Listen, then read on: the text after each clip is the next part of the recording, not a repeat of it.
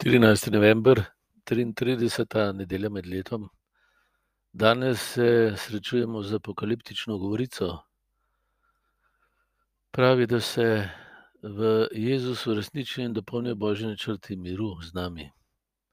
Govori o preizkušnjah, bolečinah, preganjenih, mučeništvih, ki jih apokaliptična govorica opisuje, ampak to samo zato, da izostri in usmeri naš pogled na to, kar je edino potrebno. Kaj pa je to? Da vsak izmed nas ohrani svoje srce v ljubezni, ki prihaja od Boga in ki vodi spet nazaj k njemu. To je edino potrebno. Da ljubezen, ljubezen lahko končno osvoji vse. Zunaj njega, zunaj božjega načrta miru za nas, ni mogoče zajeti te ljubezni in trdnosti. Brez nje je tragičnost zgodovine zgolj tragedija.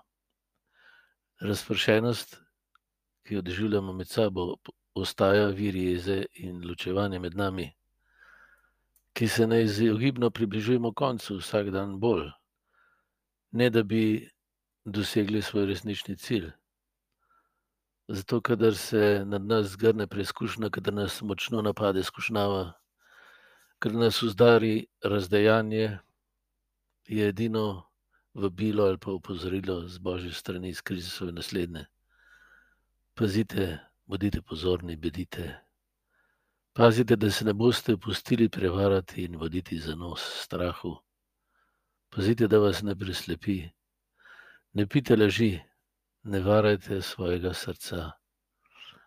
Edino potrebno je zajeti iz tega, da je sedaj Bog z vami, da lahko iz njegove ljubezni zajemate.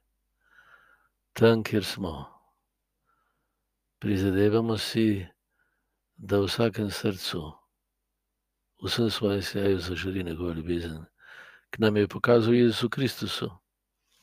Vsak dogodek poslednjih časov je povezan s tem dogodkom Jezusove smrti in vstajenja.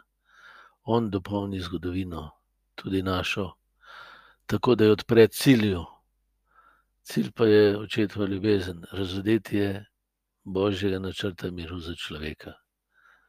Da naše življenje ne konča v temi, ampak za mizo z očetom, ki je tudi naša mati, kot božja družina, to je naš cilj.